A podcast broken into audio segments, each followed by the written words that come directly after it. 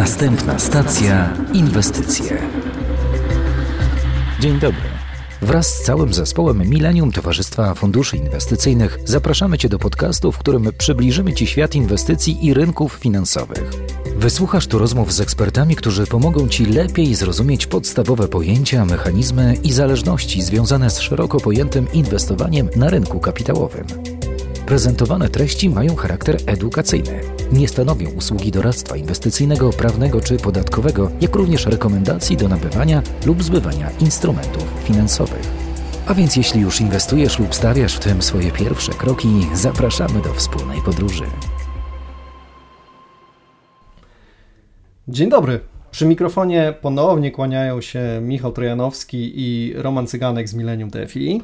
Dzień dobry wszystkim. W poprzednim odcinku rozmawialiśmy o ryzykach związanych z obligacjami, wskazywaliśmy, gdzie szukać też w nich potencjału, ale na koniec odcinka poruszyliśmy wątek funduszy inwestycyjnych bazujących na obligacjach. Roman, jaką potencjalną przewagę mogą dać fundusze obligacji nad czystymi, czyli tak bezpośrednio kupowanymi obligacjami? E, czy jest coś, co mogę potencjalnie osiągnąć z pomocą funduszy, a będzie to trudne lub niemożliwe posiadając właśnie czyste obligacje?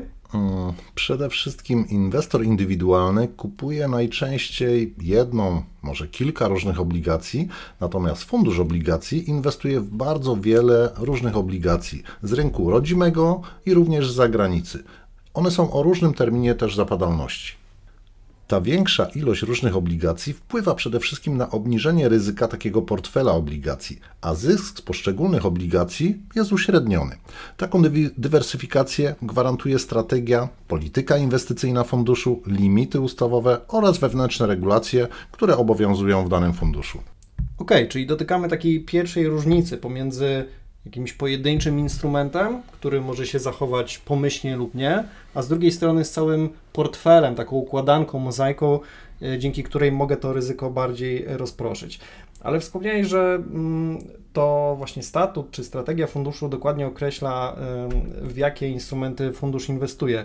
Czy to oznacza, że e, fundusz nie może kupić sobie dowolnych obligacji? No, zarządzający nie ma takiej możliwości i to jest chyba bardzo dobre w tym wszystkim, e, ponieważ zarządzający funduszem może kupować te obligacje, które mieszczą się w spektrum właśnie polityki tego funduszu. Przykładowo, jeśli zarządza funduszem obligacji skarbowych, to może kupić do portfela e, jedynie papiery skarbowe.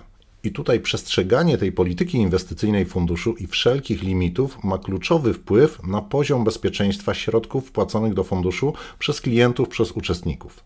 Dodam tylko to, o czym mówiliśmy w poprzednim odcinku.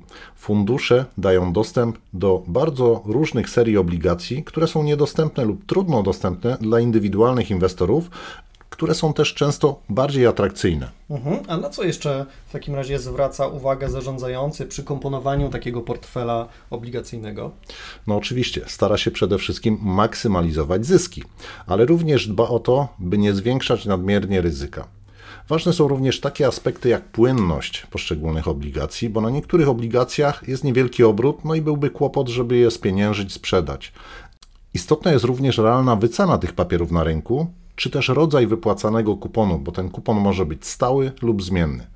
Bardzo ważny jest również czas trwania obligacji w portfelu funduszu, czyli tak zwana duracja. Mhm. A y, jakie ryzyko ponosi inwestor kupując jednostki uczestnictwa funduszu obligacji? Czy podobnie jak przy obligacjach mówimy tu w uproszczeniu o tym ryzyku stopy procentowej i ryzyku kredytowym? Tak, tutaj jest dokładnie podobne ryzyko. W funduszu obligacji występuje również ryzyko stopy procentowej oraz ryzyko kredytowe. I te skarbowe obligacje posiadają głównie ryzyko stopy procentowej, o czym mówiliśmy już w poprzednim odcinku. Natomiast fundusz inwestujący w obligacje przedsiębiorstw głównie ponosi ryzyko kredytowe. Pamiętajmy jednak, że fundusz inwestuje w bardzo wiele różnych obligacji, czyli to ryzyko jest rozproszone, a sam zarządzający z reguły posiada dostęp do wielu informacji, które nie są dostępne dla inwestora indywidualnego, czyli inwestor indywidualny nie może informacji takich wykorzystać. Mhm. To skoro mówimy o ryzykach, to powiedzmy też o tej nagrodzie z drugiej strony. Fundusze dłużne mogą zarabiać na tym, co jest trudne przy samodzielnych inwestycjach w obligacji, a mianowicie mogą zarabiać na zmianie ceny, prawda?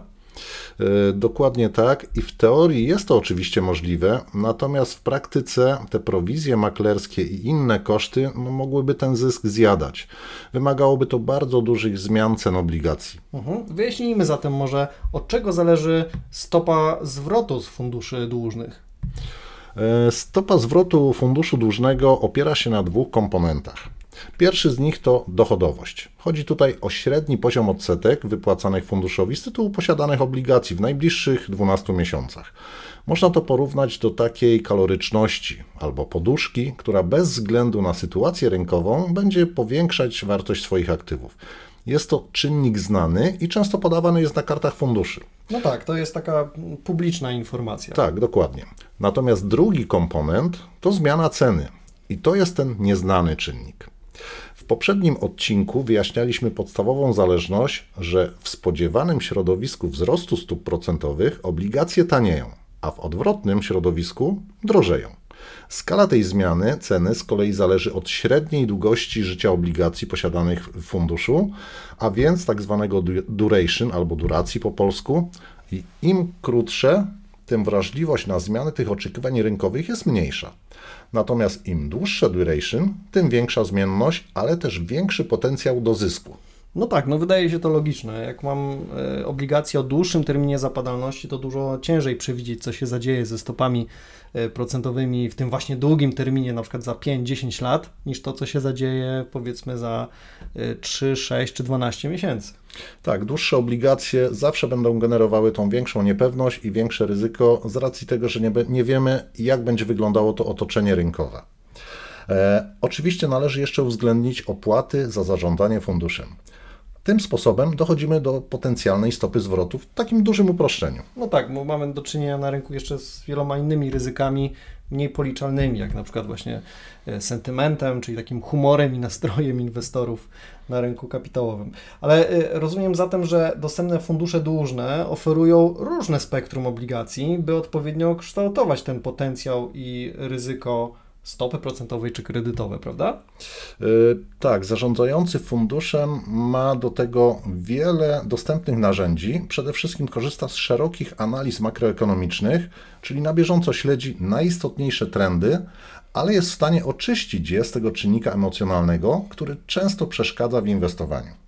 Popularną praktyką jest również budowanie ekspozycji na obligacje różnych krajów i gospodarek, czyli wyjście poza Polskę, za granicę, co zwiększa ilość scenariuszy potencjalnie korzystnych i ograniczających jednocześnie to ryzyko pomyłki. Ok, to spróbujmy to podsumować. Jeżeli rozmawiamy o funduszu dłużnym, to mówimy o takim portfelu, który może być elastycznie kształtowany przez zarządzającego, gdzie zarządzający może efektywnie, elastycznie zarówno skracać ten średni okres y, duration, duracji, czy też właśnie tego okresu życia obligacji. Zarządza ryzykiem po prostu. Tak jest. Może po prostu elastycznie tym ryzykiem zarządzać i dopasowywać do warunków rynkowych.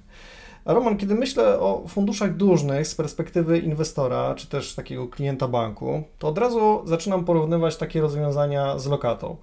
I dlaczego miałbym inwestować w fundusze obligacji, skoro nie dają one gwarancji kapitału, a atrakcyjność obligacji też zależy od stóp procentowych, no podobnie jak przy lokatach.